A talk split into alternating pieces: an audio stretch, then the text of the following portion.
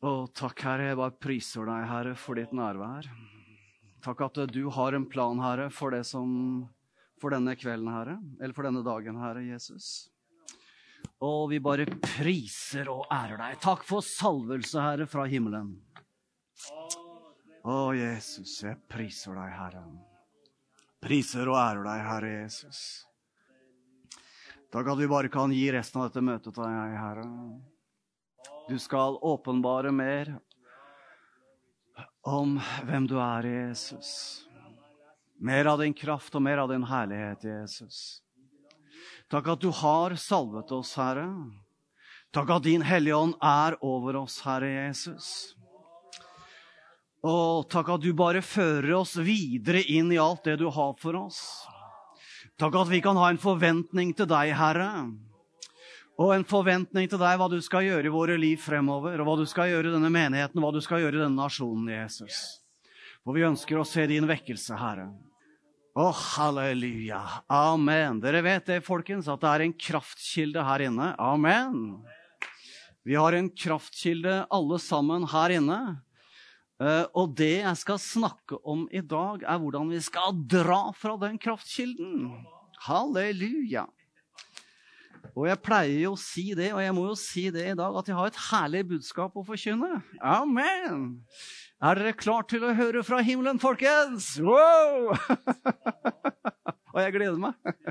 Det er så lenge siden jeg har preka nå du, at jeg har nesten glemt hvordan jeg skal skru på mikken. du, Så det er jo altfor lenge siden. Å, Jesus, Jesus, Jesus. Halleluja. Og Gud er bare fantastisk. Gud er god. Amen. Gud er bare helt herlig å tjene. Han er en fantastisk Gud. Og han har en enorm omsorg for hver eneste en av oss. Å, halleluja. Å, jeg må bare prise Herren. Å, takk, Jesus. Takk, Herre, for ditt nærvær. Har vi ikke en fantastisk pastor, folkens? Jeg er så takknemlig for deg, Runar for det du står i hver dag, fordi at du er villig til å ta dette, denne fighten hver dag. For det er ikke alltid like enkelt, vet du. Det er ikke det. Og det er så mange her som står i denne fighten, og som er villig til å stå fortsatt i den fighten. Amen. Og en dag vet du, så bare kjenner vi det at eh, på forskjellige områder i livet vårt så bare bryter vi igjennom. Men vi bare må bli stående til det bryter igjennom. Og det jeg skal snakke om, det er kraften i ordet og den ånden som er her inne. Fordi at det det dreier seg, er ånden og ordet. Altså, det er ånden og ordet. Og du kan ikke ta den ene delen uten at du tar den andre delen. Det er som hånd i hanske. Dere vet det at det hele Guds ord er inspirert av mennesker som skrev det, men de var inspirert av den mektige Hellige Ånd, av Guds ånd. Og hele ordet er en inspirasjon fra himmelen. Tenk på det, Jeg har sagt det så mange ganger at da Gud skapte verden, så talte han denne verden inn i eksistens. Og de ordene Gud talte da han skapte verden altså det er forskjellige vitenskapelige teorier at egentlig alt opprettholdes av lydbølger. Tenk på det.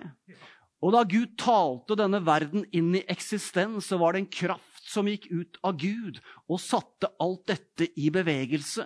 Hele universet. Skapelsen fra første stund av. Og det er Guds ord som holder alt oppe. Han holder alt oppe ved sitt mektige ord. Og det var dette ordet som forvandlet mitt liv i 1980. Amen! Halleluja! Det forvandlet mitt liv. Halleluja! Og det er en sånn kraft i ordet.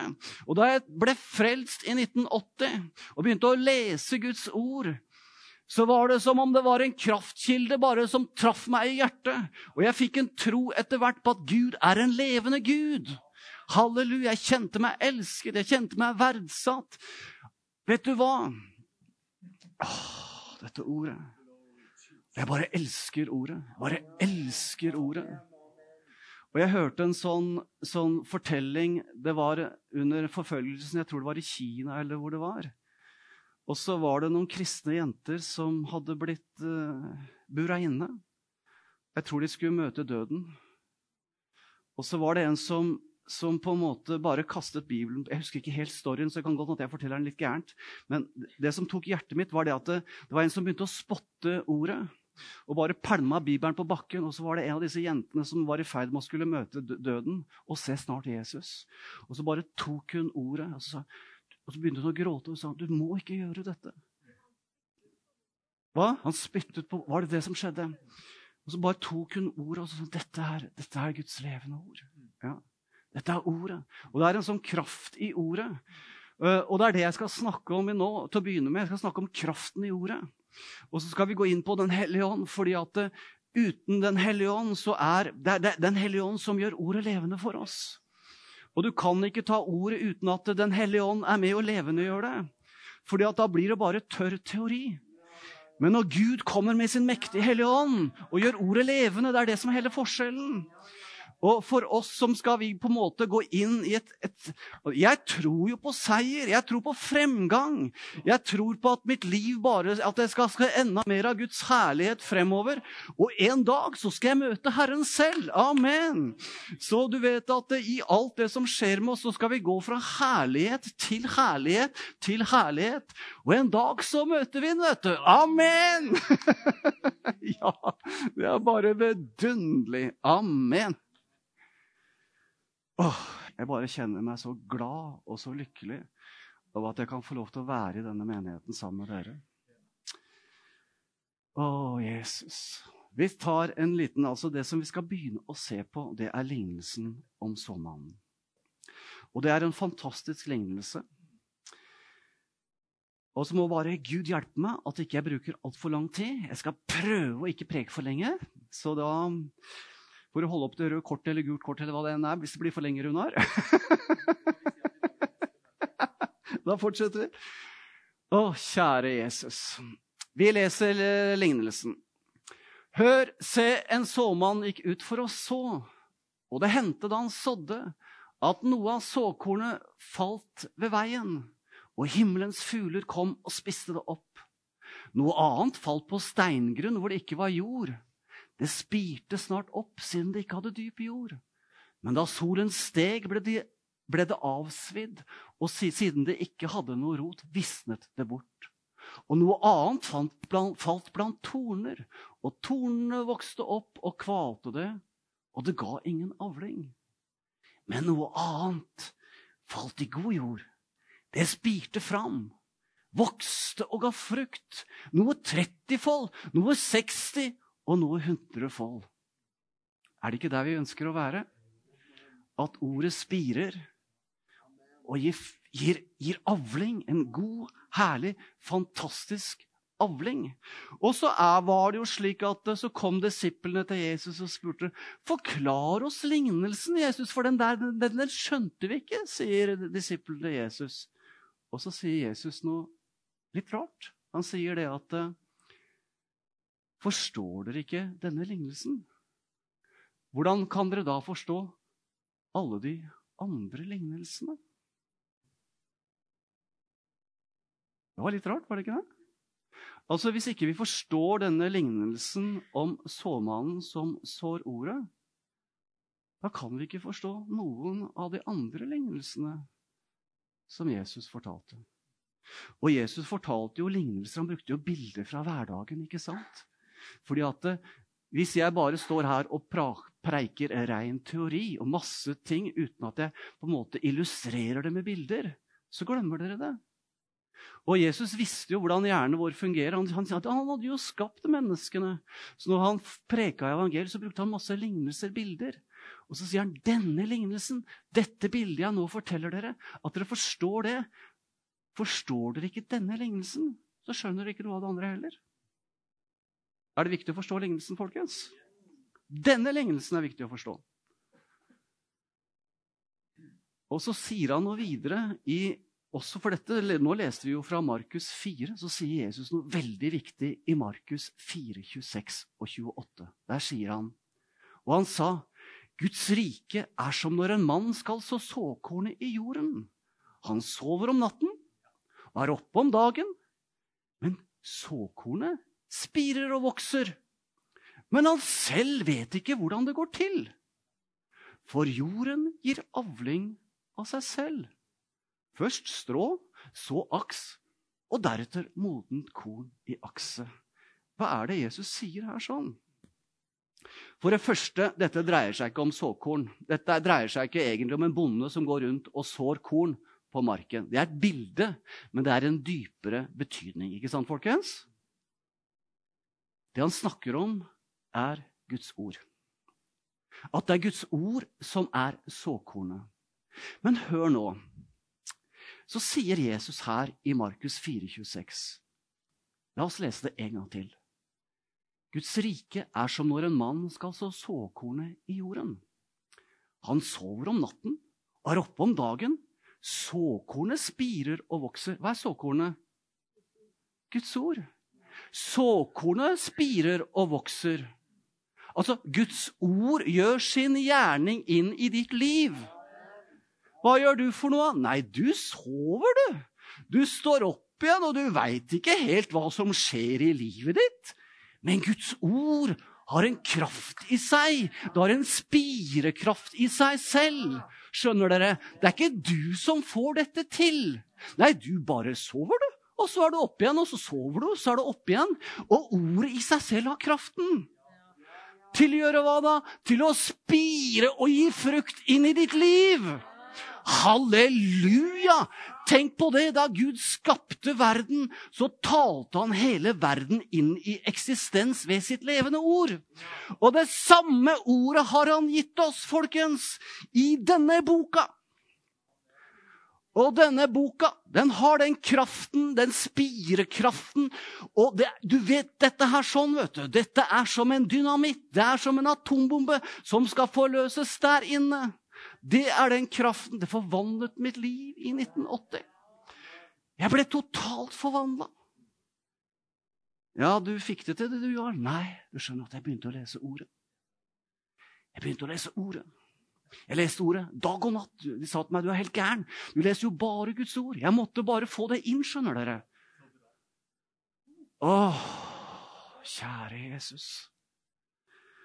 Altså, Ordet i seg selv har kraften. Det er ordet som forvandler ditt liv. Det er ikke du som står bak denne forvandlingen. Det er ordet som har kraften i seg til å forvandle deg, skjønner du. Og det er dette det dreier seg om når du fornyer ditt sinn. Du får vekk ut alt søpla, og så putter du inn ordet isteden. Fordi at ordet har kraften i seg til å forvandle. Amen. Halleluja. Amen. Så nå må vi forstå denne lignelsen. Fordi at når vi forstår denne lignelsen her, da skjønner vi alle de andre lignelsene også som Jesus fortalte. Amen. Er dere med? Følger dere med, folkens? For dette her sånn, dette er sterke saker, skjønner du. Dette forvandler våre liv. Amen. Har dere hørt om Rosetta-steinen? Nei. Skal jeg fortelle dere litt om Rosetta-steinen? har dere hørt om gresk? Ja, Har dere hørt om hieroglyfer? Yes. Dere skjønner det at uh, gresk var jo noe folk kunne. Det skjønte de. Men hieroglyfene de var vanskelig å tolke, og ingen hadde på en måte klart å tolke hieroglyfene. Og så fant de en stein i Egypt. Og den steinen, der sto det skrevet tre forskjellige språk. Teksten er et er Hvordan du uttaler det Jeg, prøver, og så sier jeg Ikke sant? ja, dekret fra 1996 før Kristus. Og det ble utskrevet av Protemaos, den femte farao i Egypt. Og det beskriver visse skatter som han avskaffet og instruerte at statuer skulle reises i visse templer. Det var jo greit. Men det som var greia, skjønner du, det var at det dekretet var skrevet på hieroglyfer som var gudenes språk, folkets språk, altså egyptisk språk, som var demotisk, også på gresk. Og fordi at det, det sto på gresk, akkurat den samme teksten, da skjønte du jo hva hieroglyfene inneholdt, og hva som står skrevet. Og, derfor, og dermed så klarte de å på en måte tolke alle hieroglyfene pga. den steinen. Og da kunne de få informasjon om alt det som hadde skjedd i oldtidens Egypt. For da kunne de, da, da kunne de lese hieroglyfene, vet du. Fantastisk! Så Rosetta-steinen det var det som var det hjelpemiddelet man hadde, som, som, som bare kom, slik at de klarte å desifrisere disse her hieroglyfene. Ikke sant? Og sånn er det med lignelsen om såmannen. Hvis vi skjønner den, da skjønner vi masse i Guds ord. Amen. Er ikke dette herlig, da? Ja? Har du lyst til å høre mer. Det er kjempeålreit, skjønner du. Halleluja. Og så sier altså Jesus, forstår dere ikke denne lignelsen? Hvordan kan dere forstå alle de andre lignelsene? Så hva er det Jesus her forteller oss i denne lignelsen? Vet du hva? Det er en kraft i ordet. Det er en kraft i Guds ord. Og ordet har en kraft i seg selv, en spirekraft. Amen? Men dette jordsmonnet som vi hører om i denne lignelsen, beskriver fire ulike tilstander i et menneskehjerte.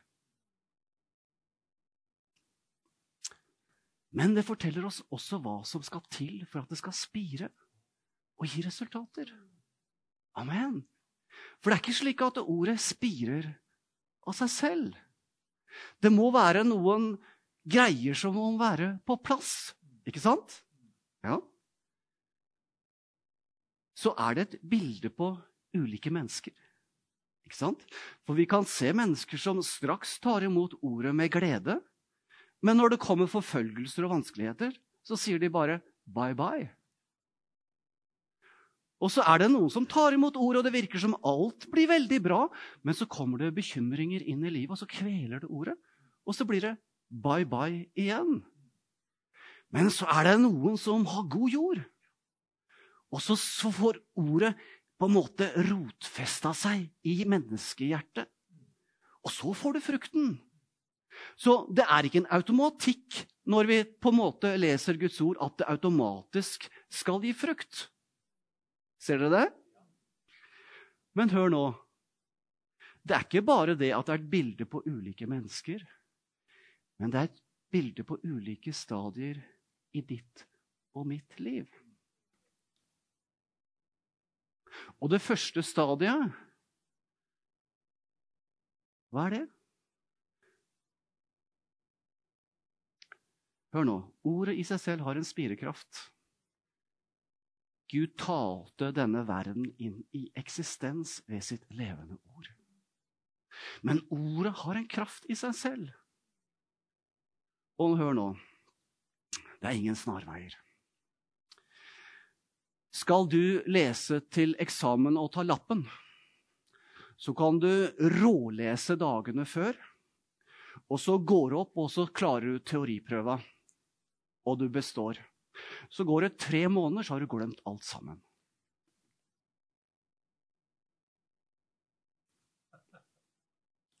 Du skjønner det at det er ikke sånn Guds ord virker.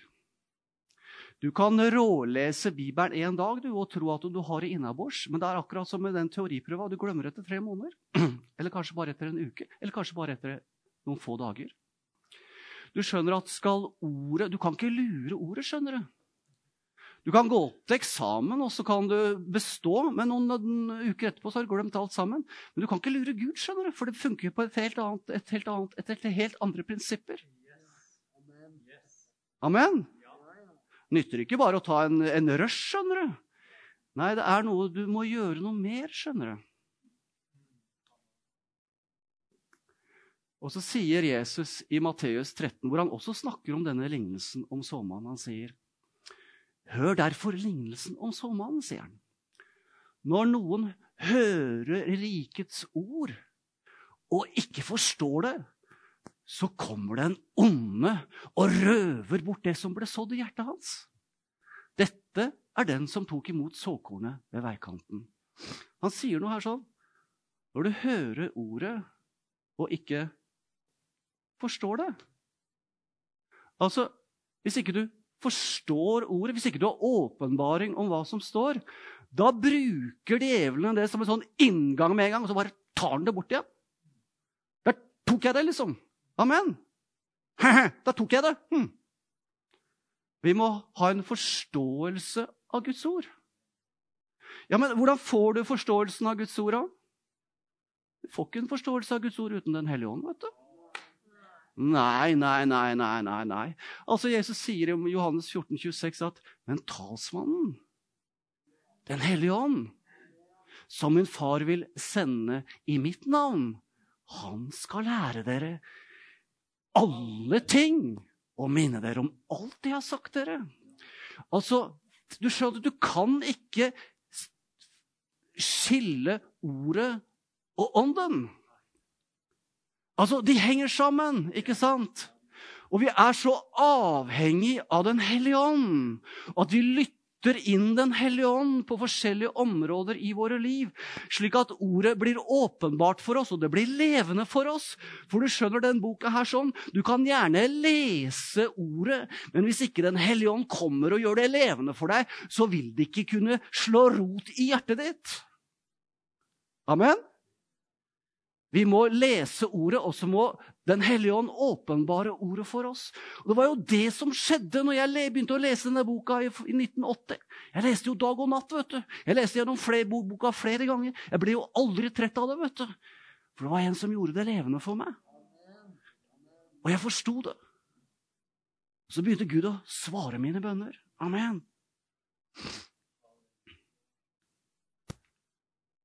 Vet du hva? Det er Den hellige ånd som gjør at ordet kommer forbi huet ditt og ned i hjertet ditt. Og du vet at hjertet ditt er ikke bare det indre mennesket, men hjertet er bare både din sjel og din ånd. Hjertet er en benevnelse på både din sjel og din ånd som her er her inne. Og skal det komme inn i dypet av din sjel, så må Den hellige ånd åpenbare ordet for deg. Du må forstå det. Det må bli en realitet for deg. Du må komme forbi huet ditt og ned i hjertet ditt. Amen. Og det er bare Den hellige ånd som får til. Og så sier Jesus videre På samme måte er det med, som, med det som blir sådd på steingrunn. Når de hører ordet, tar de straks imot det med glede.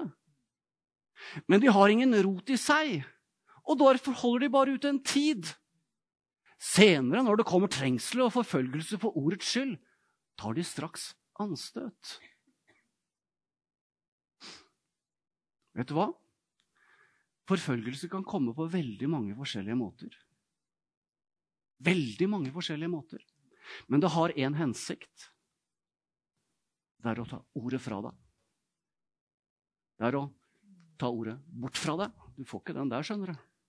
Den er min. Det er det som er hensikten med forfølgelse og trengsler. Og så står det at de tok anstøt under trengsel. Hva betyr det at de tok anstøt? Nei, de ble litt sånn forsiktige. Å ja. Nei, kanskje ikke jeg kan si det der sånn. Nei, det der Jeg følte vel at det, jeg kanskje provoserte litt der sånn. Jeg må nok begynne å, å roe litt ned. Da tar du anstøt når du roer ned. Du er ikke frimodig lenger. Vet du hva? Vet du hva det er for noe? Bambus!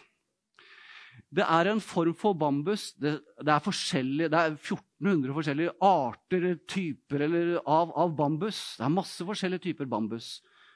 Det vokser i Afrika, Mellom-Amerika og mange steder på denne kloden vår. Men, og noen kan vokse opp i en, nesten en meter i løpet av en dag. vet du. Men det er én type bambus som er litt spesiell. Eh, når du da når det på en måte planter en bambusplante, da, en liten bambusplante Jeg har aldri gjort det før, så jeg vet ikke helt hvordan akkurat det skjer. Men om de tar små planter eller et frø, eller hva de gjør De første tre åra så er det bare en liten greie som stikker opp av jorda. Så, men det som skjer, skjønner du, det er noe som skjer under bakken. Det vokser og vokser og vokser og vokser. og vokser. Så vokser og vokser og vokser og vokser hele veien. Og så holder den på sånn i tre år. Og så er det bare dette lille bladet på toppen. Du ser jo ingenting over jordoverflaten. vet du. Men så, skjønner du det fjerde året, så bare skyter den i vei, vet du, og vokser mange meter. Og så sier de ja, men se så fantastisk det var, da! Så vokste så mye bare på et år. Ja, men hør nå, det var noe som skjedde tre år i forveien. vet du. Hvor det var et rotsystem som utviklet seg. Og det var det som var grunnlaget til den voldsomme veksten det fjerde året. Så du vet at et tre uten røtter, det holder ikke, vet du. Da er det over i bakken. Da er det rett ned, vet du. Ikke sant?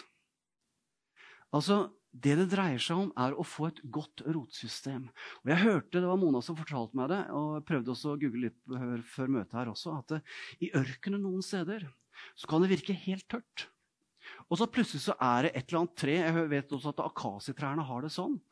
Men det er noen trær som strekker røttene 30-60 meter ned i bakken. Og så kommer de ned til grunnvannet. Og da kan de blomstre og være fruktbærende selv om det er ørken og bare så tørt på overflaten. For de har strukket røttene ned, langt ned, der som vannet er. Det, og vi, vet hva? Det vi må gjøre, vet du Vi må strekke våre røtter ned. Våre hjerter ned. For det rotsystemet er sånn, vet du. Det er når du har god jord.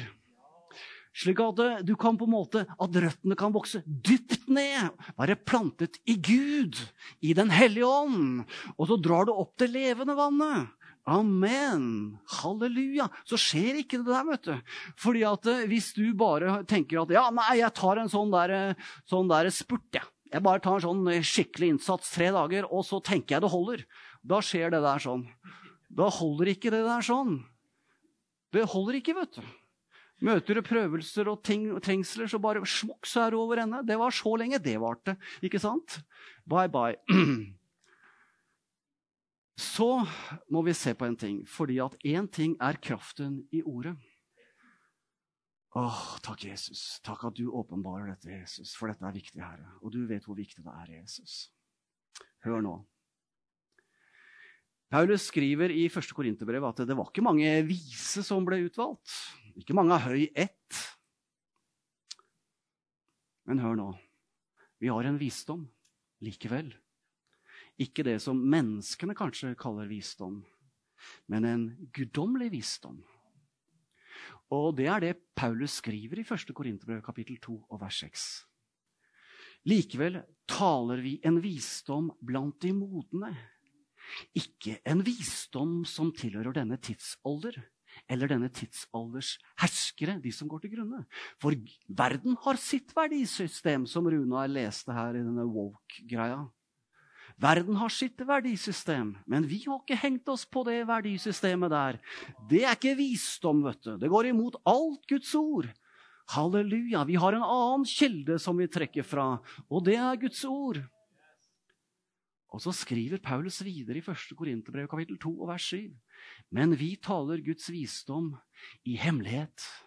Den skjulte visdom som Gud før tidenes begynnelse bestemte til vår herlighet. Så om ikke vi slenger oss på den walk-greia, så har vi en visdom skjønner du, som er grunnlagt på sannhet og ikke på løgn. Amen.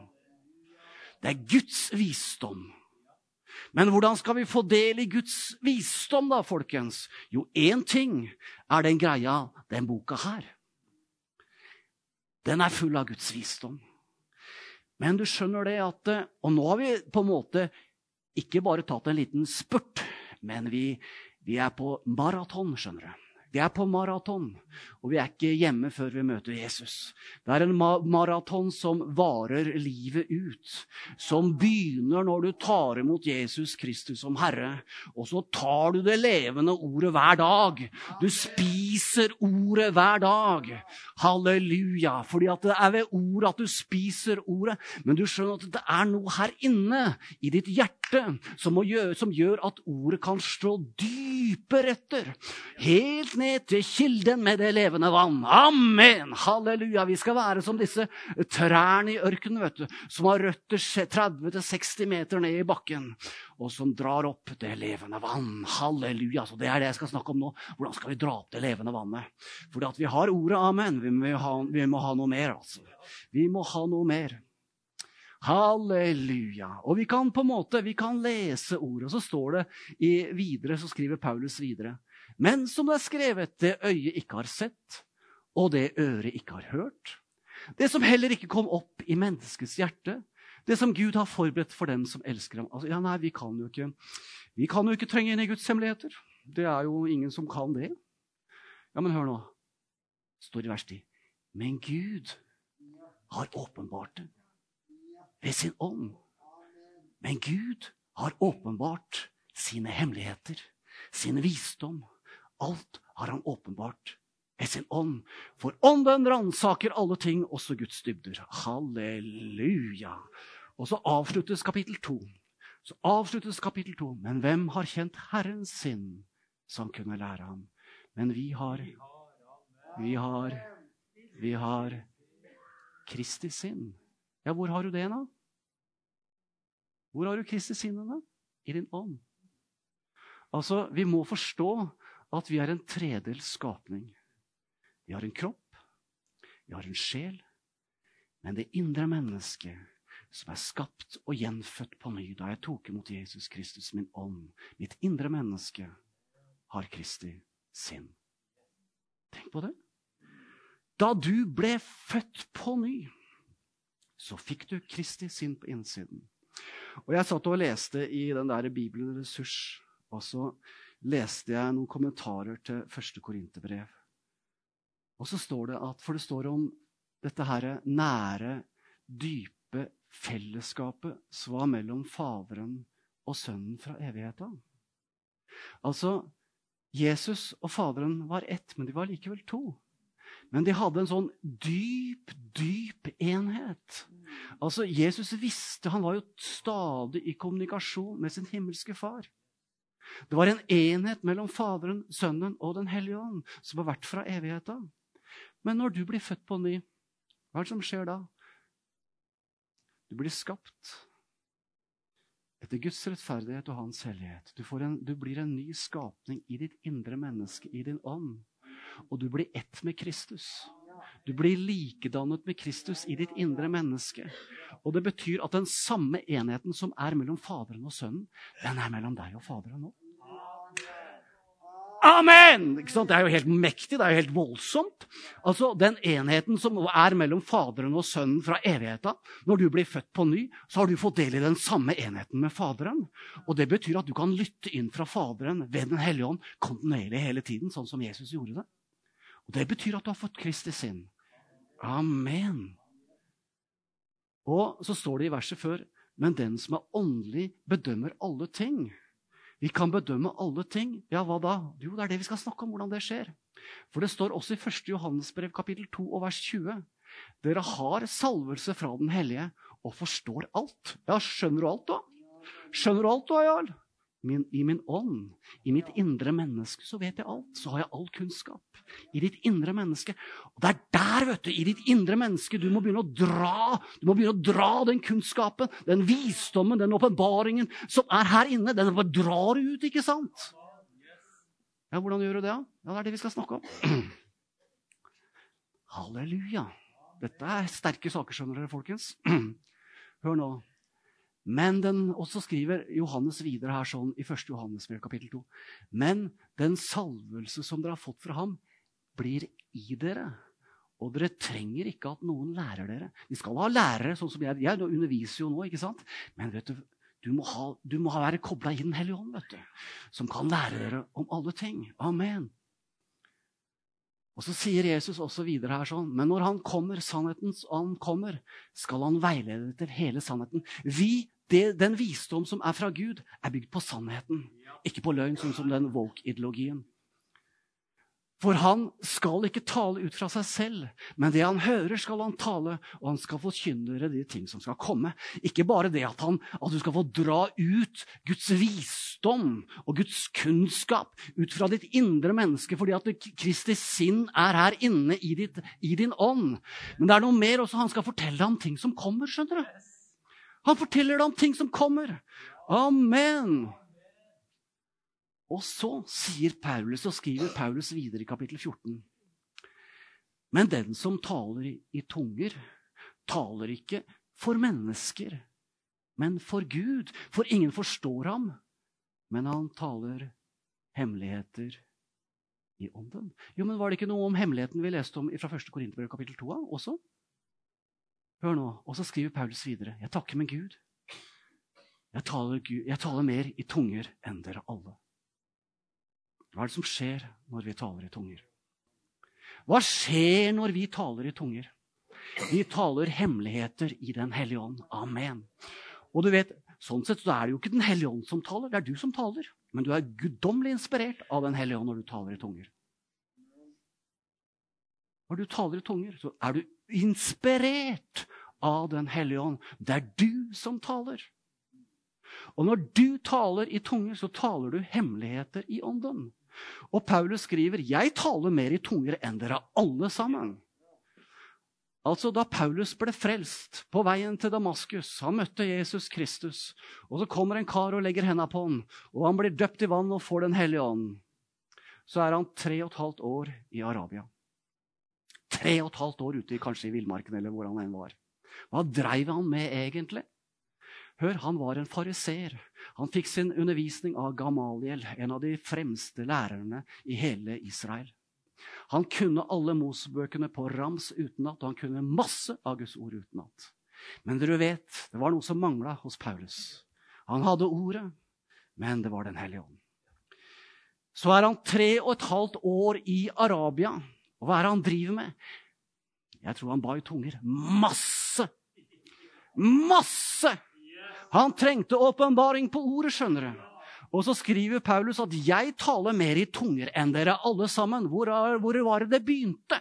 Det begynte da han ble fylt med Den hellige ånd. Og så dro han til Arabia. Han talte i tunger, kanskje. Han kom inn i et guddommelig liv ved at han talte i tunger. Nå ble ordet åpenbart. Nå skjønte han nåden. Nå skjønte han den gamle pakt. Nå skjønte han at den gamle pakt var et bilde på det som skulle komme. Alle ofringene var et bilde på Jesus Kristus. Nå skjønte han nåden og forsoningen ved Jesus Kristus. Amen! Dere skjønner det. Så var han så inspirert at han brakte evangeliet ut til hele den kjente verden den gangen, ut til hele det romerske imperiet, og skrev halvparten av Nytestamentet. Det var en grunn, skjønner du. Han sier, 'Jeg taler mer i tunger enn noen av dere', sa han. Jeg taler mer i tunger enn noen av dere. Og du skjønner det at det ordet må inn, men det må være et, et, noe som tar imot dette her sånn, og får bearbeide ordet. Når du ber i tunger, så er det noe som skjer, skjønner du. Det er ikke bare det at når du ber i tunger, så går ordet forbi huet ditt og ned i hjertet ditt. Men du drar også ordet opp fra din ånd, slik at du får åpenbaring. Det går begge veier. skjønner Du Du skjønner at Den hellige ånd setter i gang, så bare får den ned i hjertet ditt. Og så når Den hellige ånd jobber videre, så drar den opp igjen, og så åpenbarer den det. Og så blir det liv for deg, og så blir det kraft for deg. Og da har du det jordsmonnet du trenger. skjønner du. Da har du det jordsmonnet. Og så bruker du tid i ordet, og så ber du i tunger, og så bruker du en tid opp plutselig plutselig så bare skyter opp som den der bambusgreia. vet du. Og så tenker folk hva skjedde med han da? Nei, du skjønner, han har brukt ordet, tid i ordet og bønnen. vet du. Med Den hellige ånd. Ordet og ånden sammen. vet du. Ordet og ånden sammen. Det er det som gjør hele forandringen. Det er sånn. Det er en brønn. Det så dere, gjorde ikke det? Men det er ei bøtte der sånn. Og av og til så er det veldig langt ned til det vannet. Og da nytter det ikke å bare strekke seg ned. Da bare kan du risikere at du dumper over kanten, og så havner du nedi deg sjøl. Da må du ha ei bøtte. Ikke sant? Så bare firer du bøtta ned, og så sveiver du det opp igjen. Og så kan du begynne å drikke av det levende vann. Du skjønner når du ber i tunger Halleluja. Det er som du bare firer bøtta ned, skjønner du. Og så bare øser du opp igjen. Ja, Gud, jeg men mer, så bare ber du mer i tunger. Fyrer bøtta igjen. Kjør bøtta igjen.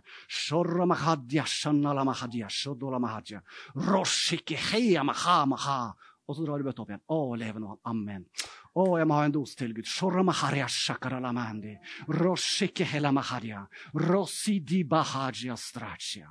Og så bare fyrer bøtta ned, og så drar du for levende vann opp igjen. Og du skjønner at når du ber i tunger, er ikke bare det at du får liksom wow, liksom yes. Nei, du skjønner at det kommer åpenbaring òg, skjønner du. Amen. Fordi at det var Den hellige ånd som fikk det forbi huet ditt ned i hjertet ditt. Og når du virkelig trenger det, så er det han som gjør det levende for deg igjen. Amen. Å, Jesus, dette henger sånn sammen. Vet Du kan ikke skille ordet og ånden. Eksempler. Halleluja. Åh, dette er herlig, vet du. Guds ord. Hva står i Salme 4,8? Herre, du gir meg glede i mitt hjerte, mer enn de andre har når de har overflod av korn og vin. Jeg, har vært gjennom noen tøffe måneder nå, og jeg har bare gått inn i ordet, jeg har bedt i tunger. Så har jeg proklamert ordet og bedt i tunger, og så bare kjenner du Det er noe som løsner, skjønner du. Og det derre Salme 4,8 Ja, men jeg har ikke noe glede i livet mitt, jeg skjønner. Nei, men begynn å trekke fra kilden, da, menneske. Hallo! Nei, men jeg har så mye motløshet. Ja, men begynn å trekke fra kilden, da! Amen! Begynn å trekke fra kilden som Gud har lagt der. Ja, men jeg har ikke den gleden. Nei, men du må trekke fra kilden! Amen! Og hva er det du gjør da? Da blander du ord og ånden, vet du. Halleluja! Og du har gitt meg glede i mitt hjerte mer enn de andre har når de har overflod av korn og vin. Vet du hva? Korn og vin altså, det er bare snakk om at du har overflod av det som denne verden kan gi mennesket, og som på en måte tilfredsstiller mennesket i dag. Det er jo det det betyr. Selv om mennesker har store hus, hytte på fjellet, hytte ved sjøen, stor landcruiser, svære et eller annet Det ene og det andre, for å si det sånn.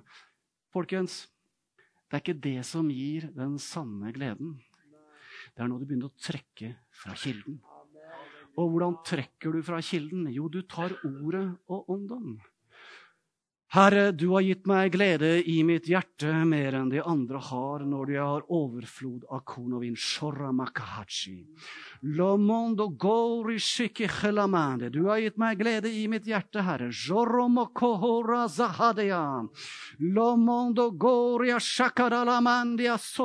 Du har gitt meg glede i mitt hjerte.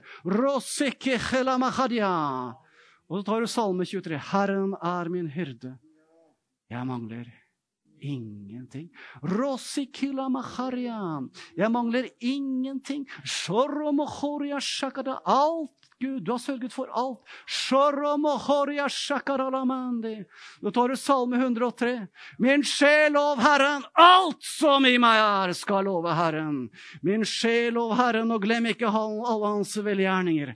Min sjel lov Herren, han som tilgir alle mine misgjerninger og leger alle mine sykdommer. Han som har fridd mitt liv fra graven og kronet meg med godhet og miskunnhet. Han som har mettet min sjel med det som godt er, så jeg blir ung igjen som ørnen.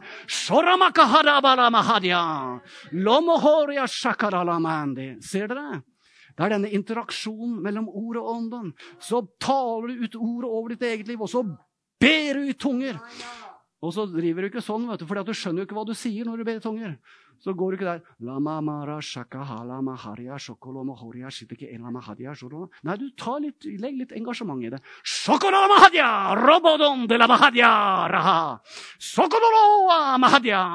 Dra litt på, skjønner du, folkens. Fordi at Selv om ikke du skjønner hva du sier når du ber i tunger, så taler du hemmeligheter i ånden. Og du vet, før du vet ordet av det, vet du, så kommer du inn med krigstunger. Og der forsvant, der forsvant styggen med en gang. vet du. Å, jeg mangler ingenting. Amen. Ser dere kraften i dette her sånn? Og så tenker folk liksom Ja, jeg ble, jeg ble døpt i Den hellige ånd for 30 år siden. Hallo!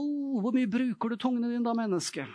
Hvor mye bruker du tungene dine, denne kraftkilden? Denne bøtta som du bare kjører ned og drar opp igjen, så du får del i kilden med det levende vann. Amen!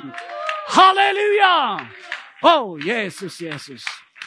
Amen. Og da vet du, kan du be Filipperne 4,6. Vær ikke bekymret for noe, men la i alle ting deres bønnene komme fram for Gud i bønn med påkallelse og takk. Og Guds fred, som overgår all forstand, skal bevare deres hjerter og deres tanker i Kristus Jesus. Amen. Ordet og ånden. Ordet og ånden. Ordet og ånden. Halleluja. Ja, men du skjønner at jeg har ikke noe visdom, jeg. Ja. Nei, Jesajas 11, 2, 4.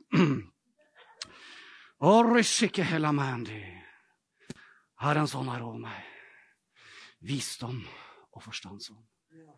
råds- og styrkesånd. Å, den ånd som i kunnskap om Herren og frykt for Han. Og jeg skal ha min glede i frykten for Herren.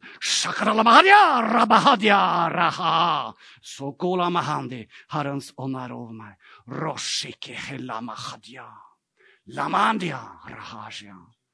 Amen. Vi må bruke tungene, folkens. Å, Jesus, Jesus, Jesus. Har du ikke brukt tungene dine på lenge, så få en fornyelse. Kom fram om du ønsker det.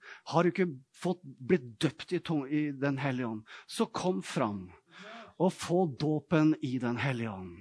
Og så kan Gud løsne tungebåndet ditt. Å, halleluja, halleluja.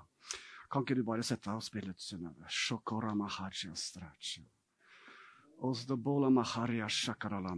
Halleluja. Så får vi bare se hva Herren har for oss. Amen. Halleluja.